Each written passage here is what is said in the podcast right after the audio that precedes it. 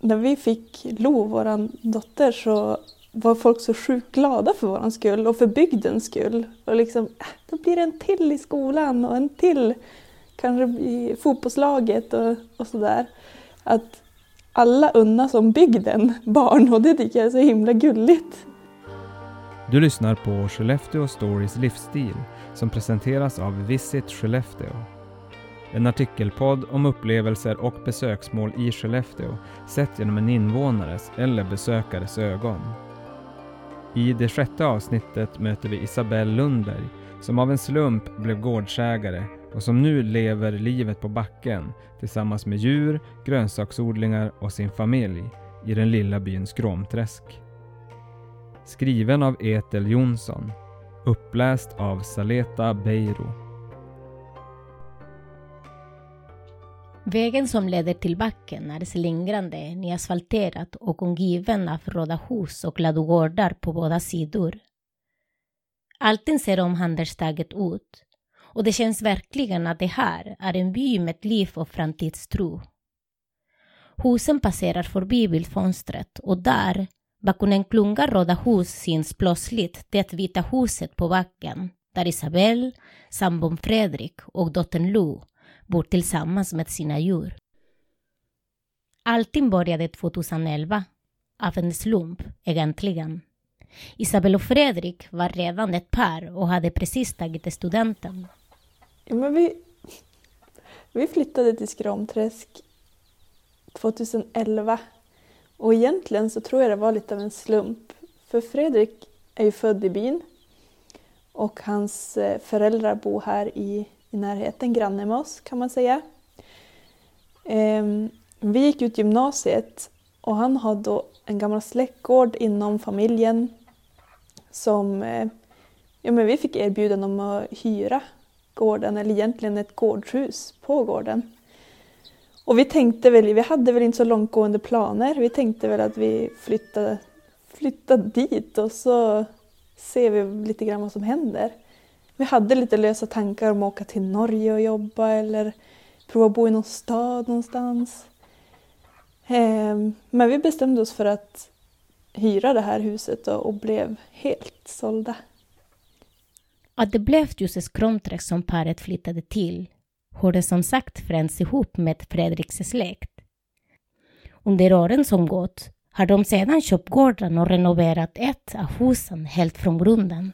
Jag tror aldrig vi tänkte att det var liksom ett stort steg. Det var ju många kompisar som liksom försökte göra oss varse. Så här, men vad, vad håller ni på med? Ska ni bo i huset ute på landet?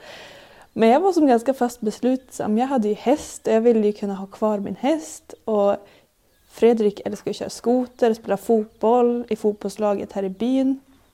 Så det kändes inte som ett jättekonstigt steg att ta där och då. Sen har jag väl lite grann i efterhand tänkt fasen, vi var ganska unga och fasen var oplanerat det var. Men det blev riktigt, riktigt bra.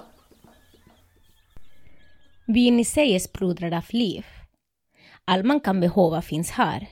Lanthandel, café, badstrand, närhet till naturen och både förskola och skola. Driftiga bybor som vurmar för sin by som blir genuint glada för varje nytt tillskott och där alla värnar om varandra. Jag tror att anledningen att vi trivts så bra också att det är en så levande by. Vi har som haft sånt, sån lyx att få ha ja, men, lanthandel, att få ha sommarkafé, att få ha badstrand, tennisplan. Och så känns det som att det är många skramträskare som vurmar mycket för sin by och liksom många hemvändare och så. Åldrarna sträcker sig från nyfödd till över 90 år. Men åldern i sig har inte så stor betydelse, berättar Isabelle. Vi har lika kul med äldre grannar som de i samma ålder som vi. Eh, men det är ju, de som flyttar in är ju mellan 20 och 30 35, något sånt där. Så det är mycket småbarnsfamiljer som vill hit, vilket är jätteroligt. Ehm, vi har ju både förskola och skola, vilket också är superlyxigt att ha ute på landet, som vi är väldigt rädda om. När vi fick Lo, vår dotter, så var folk så sjukt glada för vår skull och för bygdens skull. Och liksom, äh, då blir det en till i skolan och en till kanske i fotbollslaget och, och sådär. Att alla unnas om bygden barn och det tycker jag är så himla gulligt. Isabel har alltid drömt om djur. Djur, säger hon, är livet. Från tidiga barnsben var det hästar som gällde. Hennes drömliv bestod av en lättstädad enplansvilla på landet där tiden lades på alla hästar hon skulle ha istället för på städning. Djur är livet tycker jag. Eh, det finns mycket, mycket annat i livet också men för mig är det väldigt viktigt att ha djur i livet. Ehm, jag har varit hästtjej sedan barnsben, alltid älskat katter och ja, men i princip alla djur med päls och ben. Ehm, och att leva tillsammans med djur kan ju förknippas med mycket jobb för vissa. Men alltså jag brukar fundera vad jag ska byta ut till annars. Alltså, se på TV eller gå på gym eller något sånt där. Ingenting som har lockat mig utan det som lockar mig det har ju varit liksom djur. så därför känns det inte alls, det känns knappt som en syssla utan det är liksom så inpräntat i, i det dagliga, liksom som att borsta tänderna, ta hand om djuren. Idag finns inga hästar på gården, men det är en dröm som lever kvar och kommer besannas.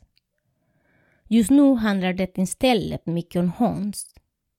Isabel kläcker kycklingar, hämtar hem ägg från andra gårdar och är helt inne i hönsbubblan. Men min sambo Fredrik har varit lite mer så här, ja, tveksam till att ha höns. Men eh, jag var ganska fast beslutsam och när jag väl har bestämt mig för någonting sånt där så då brukar det kunna gå i uppfyllelse på ett eller annat sätt. Så jag spred väl ordet lite grann om att jag gillade höns och hade en dröm om att skaffa höns. Så våra grannar ringde mig en kväll och sa att nu ska vi inte ha kvar hönsen. Vill du ha dem så är det bara du tar dem. Och jag svarade väl typ, ah, får jag på, hur många veckor får jag på mig att bygga ett hönshus? Så då, Fredrik hade fullt sjå att bygga på, renovera på vårt hus. Så då teamade jag ihop med pappa och bara, pappa kan du komma hit, du får lunch och fika så bygger vi ett hönshus. Så då tog vi julledigheten för tre år sedan och eh, byggde då Hönshilton som vi kallar det. Och eh, ja, lagom till min födelsedag i januari, jag tror det tog tre, fyra veckor och sånt där, så då flyttade de in hela hönsligan. Och det är ju absolut ingenting någon av oss har ångrat sedan dess. Det är fantastiskt att ha egna hemägg och mm jättemysigt att ha dem gående sprättandes på gården. På gården bor nu åtta höns, en tupp och tre kycklingar. Här finns även katten Knut som patrullerar gården. Det finns också tankar på att hålla byn och kaniner. Och även en idé om att ha kor, får och grisar för eget bruk. Men de vill aldrig ha fler djur än de kan mäkta med. Det är viktigt för familjen att livet inte bara består av arbete. Det måste få finnas tid till avslappning och att vara tillsammans.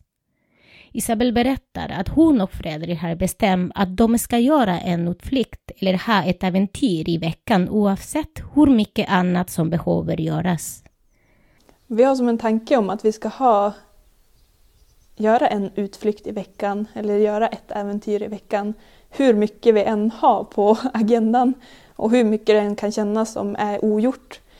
Så och det behöver inte vara långt och det behöver inte vara länge, men någonting varje vecka i alla fall. Bara ta sig från gården på något vis och käka någon mat eller fika. Att bara sitta ner en stund, lyssna på fågelkvitter och ja, känna lugnet. Under vintern som precis övergått till vår köpte de en skoter som redan använts i många sådana äventyr. Skotern gör det möjligt för familjen att kunna ta sig till nya platser som de annars inte hade fått se. En vanlig skoterutflykt börjar med att de packar med sig fika, sätter sig alla tre på skotern och åker ut i naturen, direkt från gården. Deras hus ligger på en backe och runt omkring dem ligger bilderna öppna, redo att upptäckas.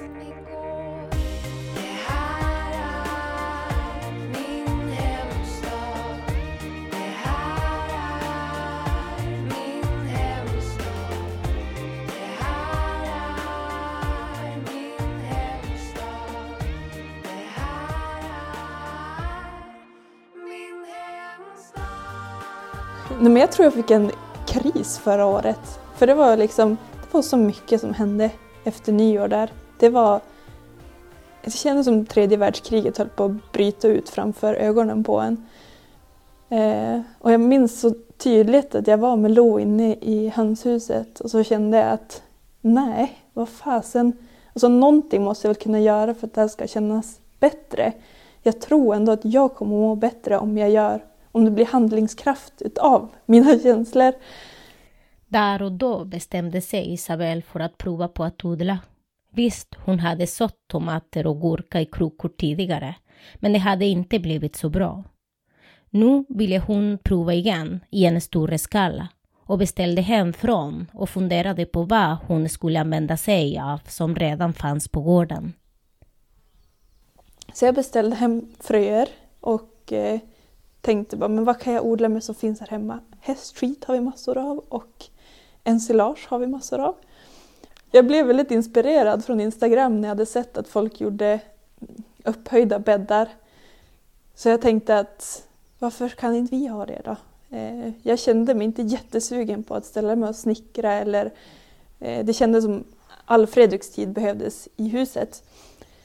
Så tänkte jag, vad kan jag göra? Ja men köra skottkärran kan jag absolut göra utan att det liksom blir ett jättestort projekt.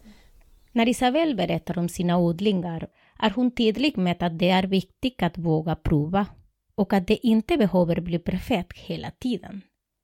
Att det kan vara farligt att titta allt för mycket på vad de andra gör och att man istället borde fundera på varför man gör något.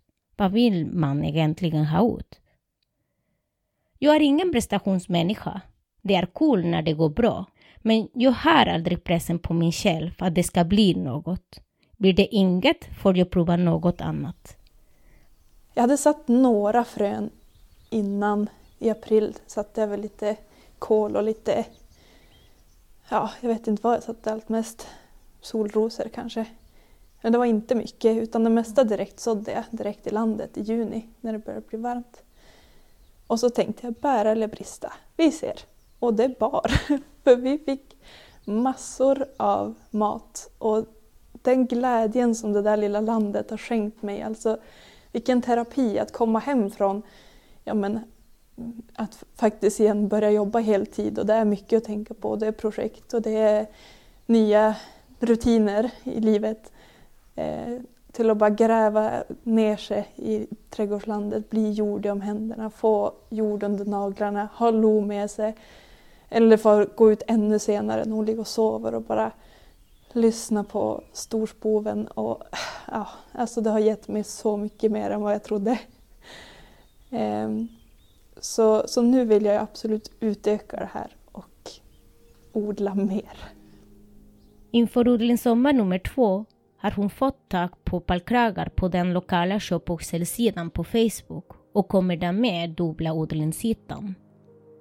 Hon kommer inte prova så många nya fröer utan väljer istället att utöka odlandet av de grodor som de åt mycket av förra året. Hon vill bland annat odla fler morötter då de gick åt direkt under sommaren. De vill gärna börja fylla sin jordkällare som hittills har stått oanvänd och hoppas få en stor skörd av bland annat morötter, potatis och kål som kan förvaras där.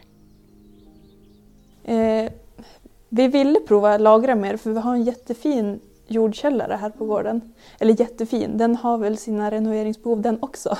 Men den, håller, den fyller sin funktion.